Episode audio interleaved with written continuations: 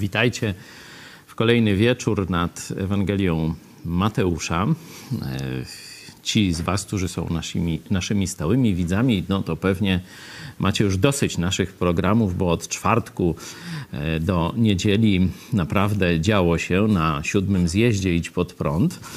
E, stąd dzisiaj obiecuję krótko, choć no, jest zawsze ciężko z dotrzymaniem takiej obietnicy. Dzisiaj będziemy mówić o e, teściowej papieża. Nie Franciszka, e, tylko Piotra.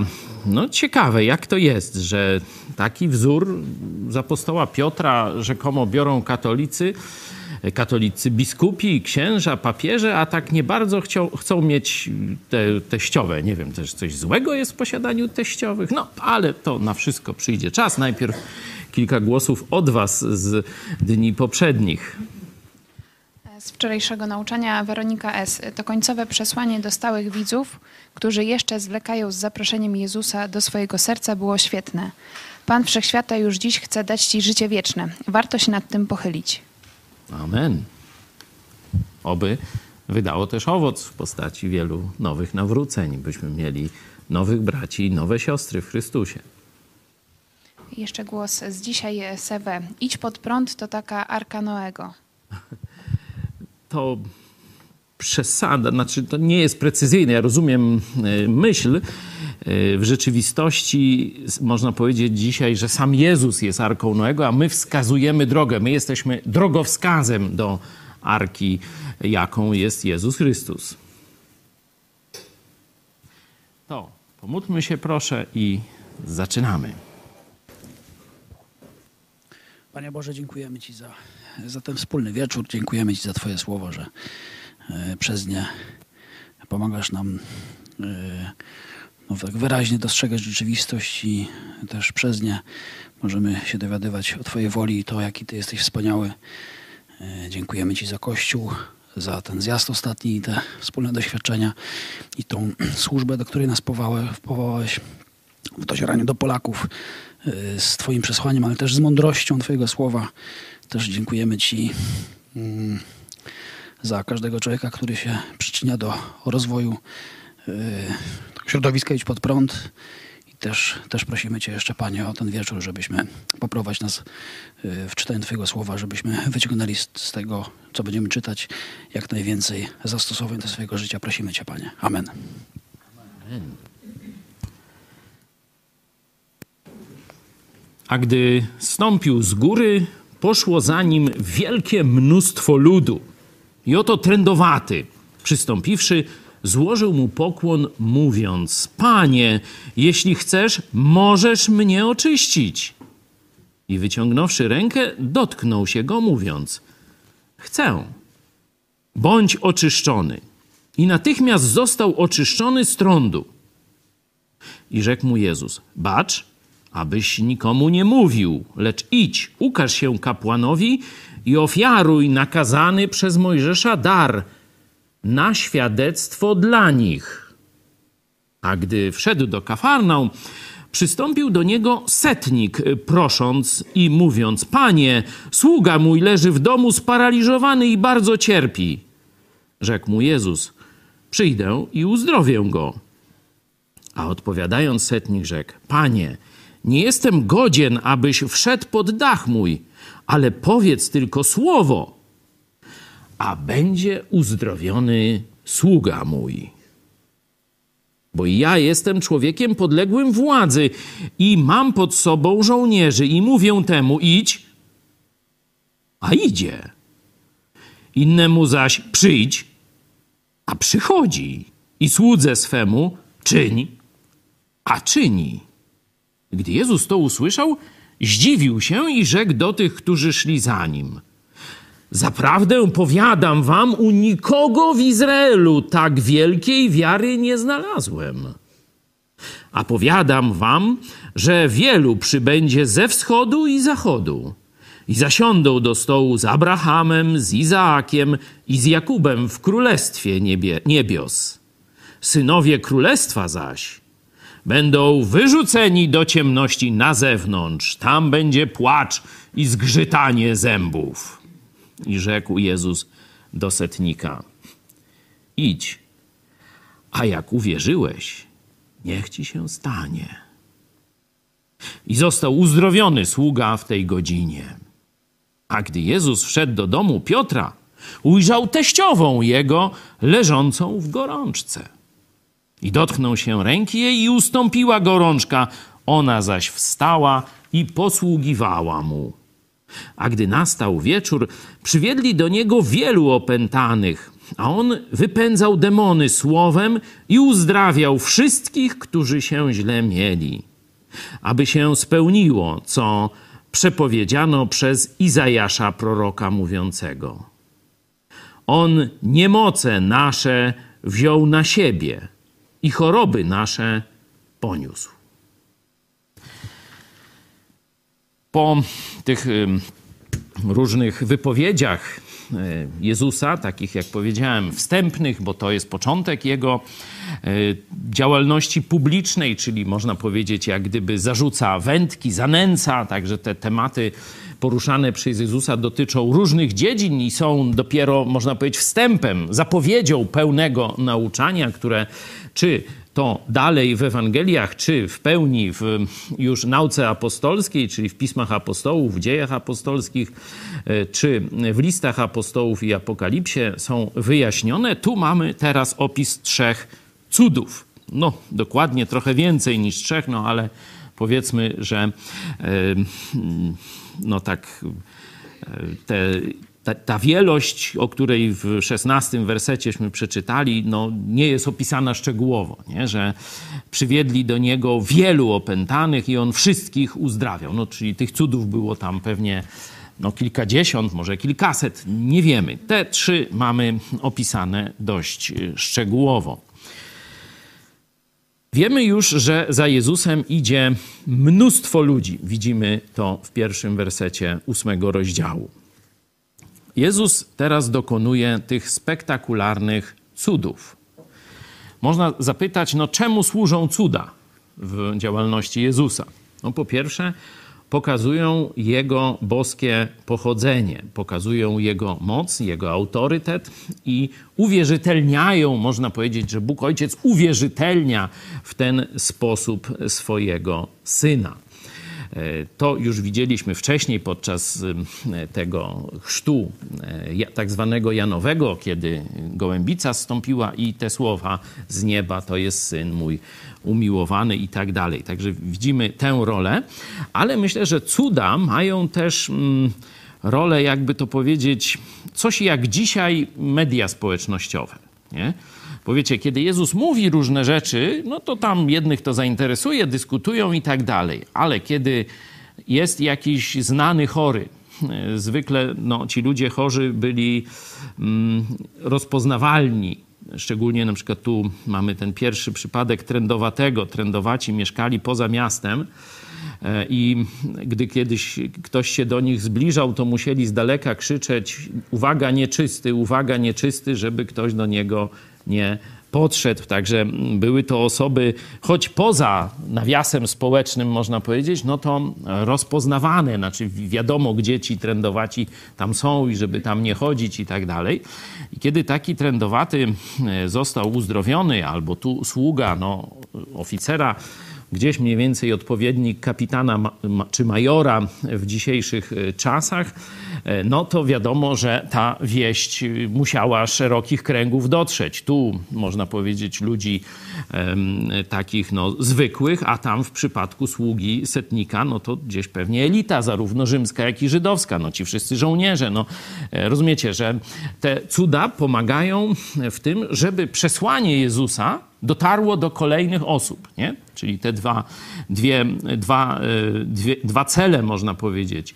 Uwierzytelnienie tego, co Jezus robi, zademonstrowanie, że stało się coś niezwykłego, że to Bóg chodzi po ziemi, można tak powiedzieć. Nie? E, oczywiście cuda mm, były dokonywane przez innych e, proroków, ale w przypadku Jezusa będziemy widzieli nagromadzenie tych cudów, będziemy widzieli cuda, których nikt wcześniej nie dokonał, a na koniec zobaczymy cud nad cudy, można tak powiedzieć, czyli powstanie z martwych. Nie? Dzisiaj e, chciałem, żebyśmy zobaczyli w przypadku tego trendowatego, bo tu Jezus dość ciekawą rzecz zrobił. Zobaczcie, mówi: Bacz, abyś nikomu nic nie mówił.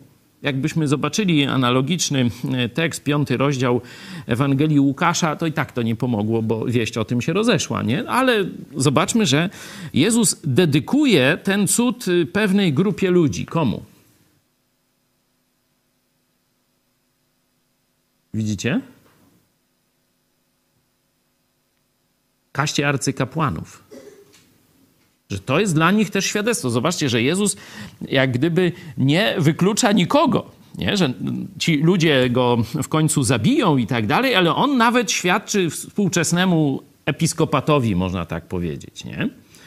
I mówi, to jest do was skierowane bezpośrednio do was świadectwo. Dla, świadectwo dla nich, że przyszedł Mesjasz. Nie?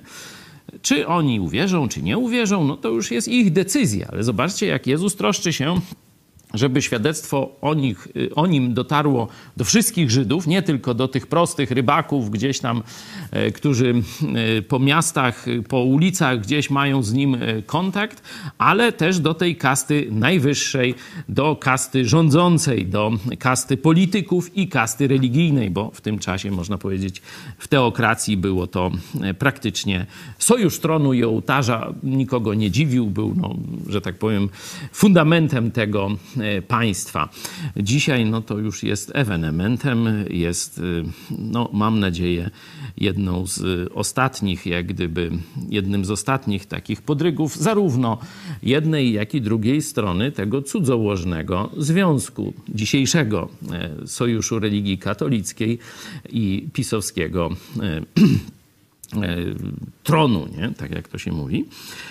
E, chciałem Wam pokazać jeszcze ciekawostkę, bo Jezus tu nakazuje, by złożono ofiary, tak jak, e, jak e, nakazał Mojżesz. No to zobaczmy Księga Kapłańska, trzecia Księga Mojżeszowa. Tam jest ciekawostka, no tu dokonam pewnej interpretacji, no ale zobaczycie, sami ocenicie, czy, czy sensownej. Czternasty rozdział, tu są te przepisy dotyczące e, trądu. I kiedy już dokona się to oczyszczenie, bo już wcześniej zdarzały się wyleczenia czy uzdrowienia, no tu nie jest powiedziane, ale że ta osoba pozbywa się trądu.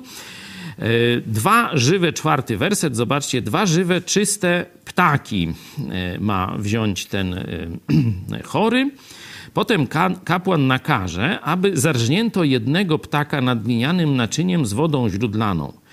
E, ptaka żywego zaś weźmie wraz z drzewem cedrowym, nitkami karmazynowymi i hiozopem i zanurzy je e, wraz z żywym ptakiem we krwi ptaka zarżniętego nad wodą źródlaną. I pokropi e, tym siedem razy tego, który się oczyszcza z trądu i uzna go za czystego.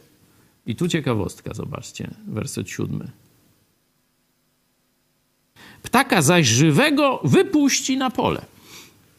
Jeden ginie, a drugi, można powiedzieć, pokropiony krwią tego pierwszego, odlatuje wolny. To jest moja interpretacja, ale mnie to zadziwiło, że Jezus tu szczególnie nakazuje złożyć tę ofiarę tak, jak nakazał Mojżesz. Dla mnie jest to symbol, e, symbol zastępczej śmierci Jezusa. No, możecie się z tym nie zgodzić, bo mówię, to jest interpretacja. Mi się bardziej, może, może nawet nie interpretacja, skojarzenie. Skojarzenie. Że tu jeden umiera, a drugi odlatuje, obmyty jego krwią, można powiedzieć, odlatuje wolny. Na pewno jest to prawdą o każdym e, z nas, że my jesteśmy wolni dzięki temu, że Jezus Chrystus umarł za nas na krzyżu. My jesteśmy wolni dzięki przelaniu Jego krwi.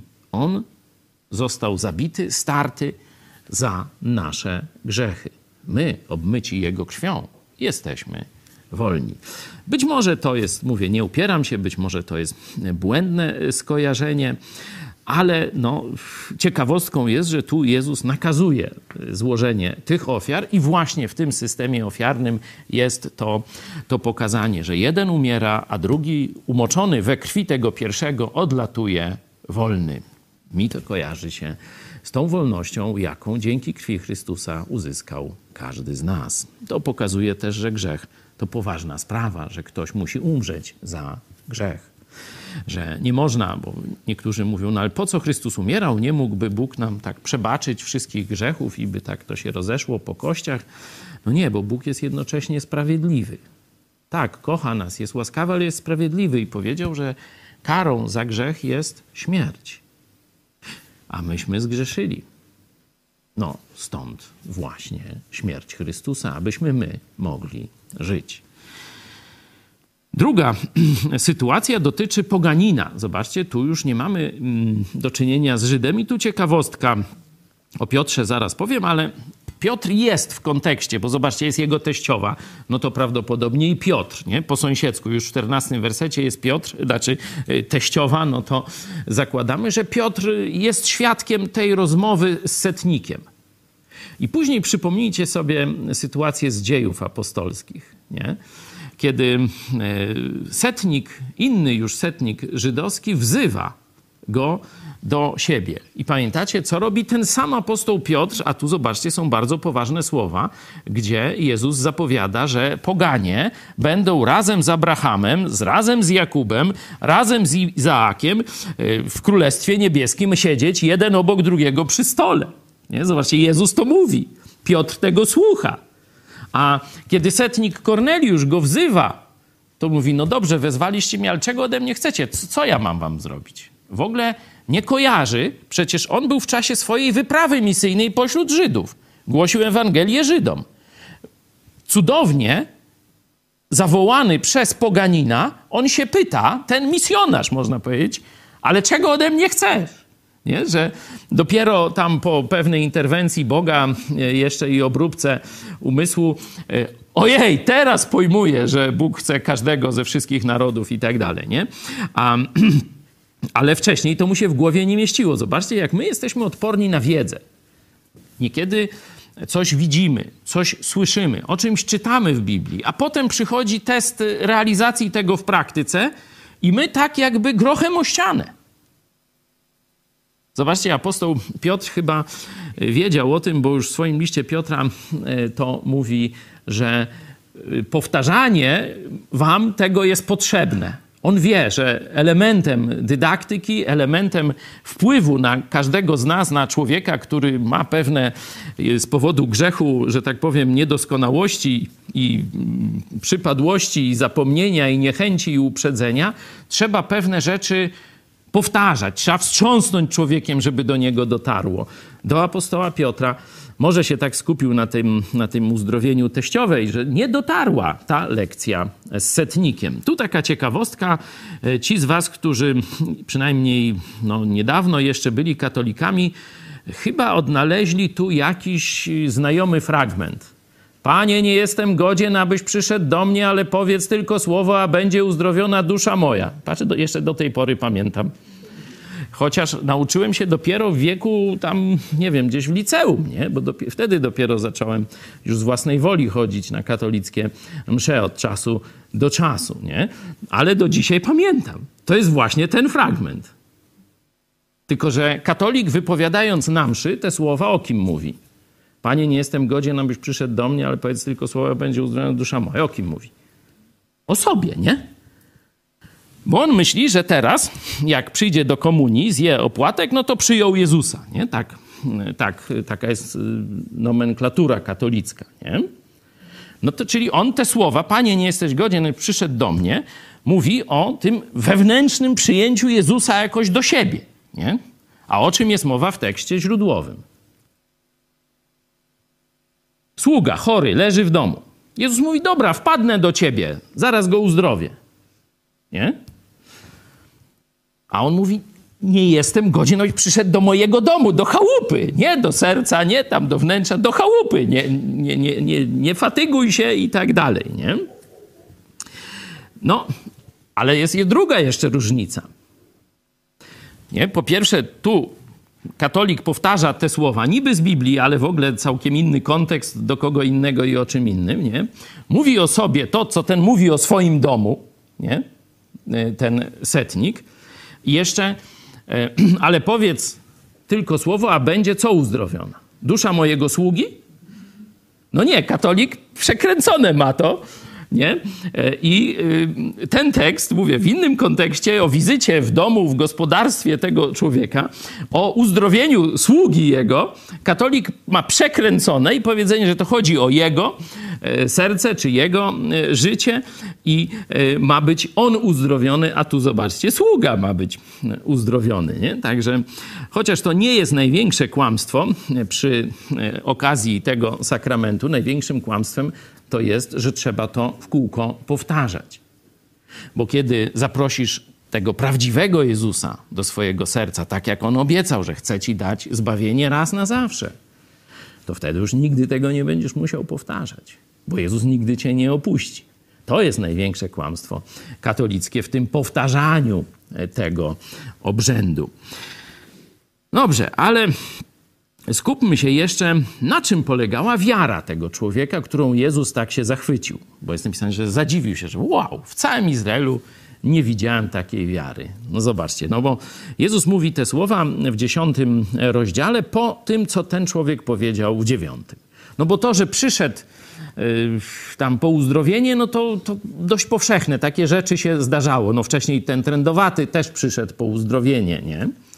Ale zobaczcie, co jest niezwykłego w tym, co powiedział e, ten setnik, co wywołało taką pochwałę ze strony Jezusa?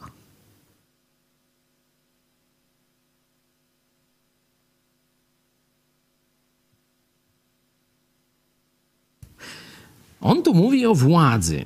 Mówi: Ja jestem człowiekiem władzy, podległym władzy, ale i też mającym władzę. Jest w strukturze władzy. Nie? I ja mówię swojemu słudze czy żołnierzowi, zrób to, no to on to robi. I ten człowiek ma dokładnie takie zaufanie do Jezusa. Jeśli ty powiesz, żeby to się stało, Zobaczcie, wszyscy inni myśleli, że trzeba, żeby się dotknąć do Jezusa, żeby on tam e, coś, wiecie, jakoś się zbliżył do tego człowieka. On mówi, to w ogóle ci jest niepotrzebne. Ty powiedz słowo a stanie się, bo Ty jesteś Panem Panów. Rozumiecie? Rozpoznaje w Jezusie najwyższy autorytet, rozpoznaje w Jezusie Boga i dlatego zobaczcie te e, pochwały i to, że wielu, no także tu w kontekście, no, że on zasiądzie tu z Abrahamem, Izaakiem, z Jakubem w Królestwie Niebios. Dwunasty werset dotyczy niewierzących Żydów, do których ten poprzedni znak, pamiętacie, został wysłany, szczególnie do elity żydowskiej, która odrzuciła, masowo odrzuciła Jezusa. No to na koniec czas na teściową. Chora była. No, Jezus się dotknął jej ręki, ustąpiła gorączka i zobaczcie, od razu wróciły jej siły, także mogła ich nakarmić, usługiwała im przy stole. Zobaczmy na chwilę do przodu, czyli do nauki apostolskiej. To jest dla katolików trudny temat. Czy e, ktoś z was pytał swojego księdza, jak to jest z tą teściową Piotra? Czy możliwe jest posiadanie teściowej bez posiadania żony? Czy to kolejny cud Jezusa? Pytał ktoś swojego księdza proboszcza? Nie pytaliście? No szkoda. Ciekaw jestem, jak tam księża proboszcze się z tym e, problemem, e, że tak powiem, rozprawiają, ale ja wam pokażę coś jeszcze lepszego. Otóż nauka apostolska, list apostoła Pawła e, do Koryntian, rozdział dziewiąty. Rozdział dziewiąty. Zobaczcie, piąty werset. Otwórzcie sobie chwilę, poczekam. Czy nie wolno nam, apostoł Paweł mówi o sobie i prawdopodobnie o mm, Tymoteuszu, czy nie wolno nam zabierać z sobą żony chrześcijanki? I teraz będzie się działo. jak czynią pozostali apostołowie. Czyli zobaczcie, ten przypadek nie był wyjątkowy, że tylko Piotr miał teściową. Pozostali apostołowie również mieli teściowe. I bracia pańscy. I znowu przypomniany jest papież, tak. I znowu Piotr Kefas, jego teściowa. A tu już mowa, że nie było cudu. Nie było teściowej bez żony. Była też żona. Żona papieża! Nie Polaka, Żyda! Pewnie Żydówka! Noż to tak pewnie wszystko było. No zobaczcie, jakie tu są standardy w Biblii, no a jakie macie tu, drodzy katolicy, w swoim kościele. No i warto się zmierzyć z tym problemem. Tu akurat, bo o teściowej to nie słyszałem, ale tu y, czytałem gdzieś, nie pamiętam, czy w jakimś opracowaniu, czy być może, y, może nawet w tysiąclatce, sprawdźcie, czy czasem takiego komentarza, bo tu jest, w rzeczywistości, tu jest słowo kobiety chrześcijanki. I teraz domyślacie się, jak y, oszuści katolicy tu zastosują myka? Już się domyślacie? Przy teściowej się tego nie da zrobić. Ale przy żonie da się. Zobaczcie. Teologowie katolicy wymyślili, i to mówię, to jest oszustwo, bo kontekst i zresztą teściowa na co innego wskazuje, no żeby jeszcze tej teściowej nie było. Ale jest i to zdrowa. Dobrze się ma. Mam nadzieję, że Piotr był z tego powodu bardzo zadowolony. Niestety nie jest to przypadłością wszystkich posiadaczy teściowych, nie? chociaż życzę wam jak najlepszych. Ja mam bardzo fajniuśką na przykład. W każdym bądź razie tu pojawia się kłamstwo katolickie, że nie chodzi o żony. To o kogo? Koleżanki! Koleżanki! No ale, no jeśli to nie byłyby żony, no to po co apostoł Paweł z tego jakieś halo robi, nie? Że, czy nie wolno nam zabierać ze sobą żony chrześcijanki, to już tłumaczenie jest. Sprawdźcie mi, jak jest w tysiąclatce. Czy rzeczywiście jest też y, żony, czy nie? Bo nie sprawdzałem tego dawno w tysiąclatce. Ale na pewno czytałem to gdzieś u jakichś teologów katolickich, że tu najprawdopodobniej chodziło tylko o takie przyjaciółki, które chodziły, im tam usługiwały, tam prały, nie wiem, gotowały, tak zwane gospodynie. Nie? Większość księży swoje żony nazywa gospodyniami. No już to taka e, to i przypadłość. Także i w ten sposób też próbują tłumaczyć kłamliwie, oszukańczo ten werset niewiasty siostry. O, to już widzę. Tak jest w tysiąclatce? A noż widzicie, jak łżą was, że tak powiem. Tu jest teściowa, tu są kobitki, które z nimi chodzą, które z nimi mieszkają, które cały czas są z nimi, a tu mówią, że to, to na kocioł łapę wszystko było. Nie. To były oficjalne żony apostołów, braci Jezusa i samego Kefasa. Apostoł Paweł nie miał żony. Przynajmniej nie miał w tym czasie, kiedy pełnił swoją służbę. Ale był to jego dobrowolny wybór, a nie nakaz Jezusa, jak próbują to wam wmawiać katolicy, księża, biskupi, którzy was oszukują. To już teraz wiecie, jak apostoł Paweł kazał wyznaczać biskupów, możecie sobie zobaczyć list do Tymoteusza, pierwszy, rozdział trzeci, czy list do Tytusa, rozdział pierwszy. Tam znajdziecie kryteria, jakie powinien spełniać biskup, czyli przywódca kościoła chrześcijańskiego i znajdziecie tam znowu przymus posiadania teściowej.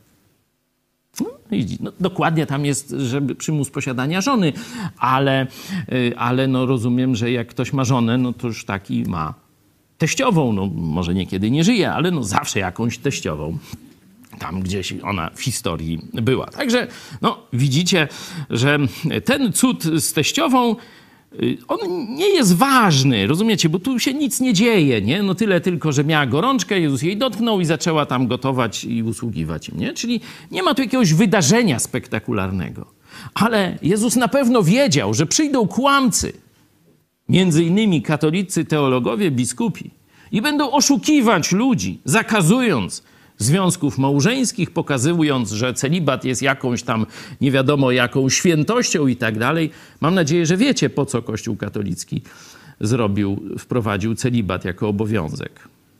Nie dla żadnej świętości, dla kasy. No zobaczcie, że wiele się zmieniło, ale to akurat, że ci ludzie są strasznie żądni kasy, to się nie zmieniło. Wtedy wprowadzili celibat, to jest późne średniowiecze, po to, żeby nie dziedziczyły dzieci księży, bo dzieci można było mieć, tylko żony, żeby nie było sukcesji, wiecie, majątku, nie? żeby majątek nie szedł na dzieci, bo dzieci z nieprawego łoża nie dziedziczyły. I po to, i tylko po to był celibat. Nie? Do dzisiaj obowiązuje. Jakie są tego skutki? No, wtedy y, mieli te przyjaciółki, no a teraz bardzo kochają dzieci. No tak się niestety to y, kończy. Świat upada, poziom moralny naprawdę sięga dna, a ryba psuje się od głowy, bo to przewodnicy duchowi są powodem zgorszenia całych dzisiaj narodów i państw. Warto jeszcze na koniec zobaczyć, bo tu nastąpiła cała, cała seria cudów, jak widzimy w 36 wersecie, i tu jest cytat z proroka, proroka z 16 wersetu, w 16 wersecie. Cuda, a 17 werset to jest fragment 53 rozdziału Księgi Izajasza, gdzie właśnie jest mowa o zastępczej śmierci Chrystusa. I tutaj pokazany jest ten no, tłum tych uzdrowionych i e, aby się spełniło, zobaczcie, spełniło on niemoce nasze, wziął na siebie i choroby nasze poniósł. Rzeczywiście tu Jezus dał nie tylko uzdrowienie duchowe, nie tylko daje życie wieczne, nie mówi o Królestwie Niebios, ale daje też fizyczne uzdrowienie. Nie? E, I część dzisiaj to na przykład zielonoświątkowcy albo charyzmatycy katolicy używają tego wersetu, żeby pokazać, że i dzisiaj Jezus, kiedy go zaprosisz, nie tylko da ci życie wieczne, ale uzdrowi twoje ciało i uzdrowi cię ze wszelkiej choroby. No, pytanie, czy to prawda? Zobaczcie, że tutaj jest y, czas przeszły. Aby się spełniło, co przepowiedziano przez Izajasza proroka. On niemoce nasze wziął na siebie i choroby nasze poniósł. Jezus, uzdrawiając tych wszystkich ludzi, którzy do Niego przychodzili, ale nie uzdrowił wszystkich w Izraelu w tym czasie, nie? tylko uzdrawiał tych, do, którzy do Niego przychodzili, żeby pokazać, że jest też oczywiście Panem mm, zdrowia fizycznego, Panem naszych ciał. Ale nasze ciała nie będą doskonale zdrowe, nie będą pozbawione chorób, pomimo tego, czy będziemy o nie dbać, czy nie dbać, to i tak wcześniej czy później na jakąś chorobę umrzemy. Dopiero nowe ciało, które dostaniemy w czasie zmartwychwstania, podobne do tego, jakie ma dzisiaj Jezus Chrystus, będzie tym ciałem, które już nie będzie potrzebowało e, uzdrowienia, nie będzie podatne na choroby. Także Jezus pokazał swoją władzę nad chorobami, cierpieniem, nad naszym ciałem, uzdrawiając tych, którzy do Niego przyszli. Uznawanie, że Jezus uzdrowi wszystkich ludzi, którzy się do Niego zwrócą, no moim zdaniem nie wynika z tego tekstu. Oczywiście, jeśli macie odmienne zdanie, przedstawicie argumenty, no to chętnie się z nimi w przyszłości zmierzę. A na dzisiaj tyle. Mm, jeśli są może jakieś głosy w międzyczasie, czy pytania, no to chętnie jeszcze możemy chwilę nad nich się skupić. Zachęcam do przeczytania tego całego 53 rozdziału Księgi Izajasza, szczególnie tym, którzy jeszcze nie zaufali Jezusowi Chrystusowi co do swojego osobistego zbawienia. Powinniście, czytając ten werset zrozumieć ogromną miłość Boga do nas, do Ciebie konkretnie i zobaczyć, że zbawienie to naprawdę zostało drogocenną krwią Chrystusa zapłacone, czyli ogromna cena została zapłacona, byś Ty został uratowany. Nie zwlekaj, żeby z tego ratunku skorzystać. Pomódlmy się. Prosimy Cię, Ojcze, aby Twoja Ewangelia o darmowym zbawieniu docierała masowo do Polaków teraz, żeby w tym czasie zamętu, e, tym czasie, e, kiedy Polacy szukają odpowiedzi na duchowe pytania, kiedy następuje upadek rzymskiego kościoła i te wszystkie przyzwyczajenia, to chodzenie na msze e, już nie jest cechą młodego pokolenia, żeby Twoja wspaniała, czysta Ewangelia dotarła szczególnie do młodych Polaków. Prosimy Cię, daj nam udział w tym dziele, wykorzystaj nas do tego, daj nam odegrać rolę w tym, żeby zmienić duchowe oblicze naszego narodu. Prosimy Cię, wysłuchaj nas. Amen. Do zobaczenia jutro. Będziemy kontynuować ósmy rozdział.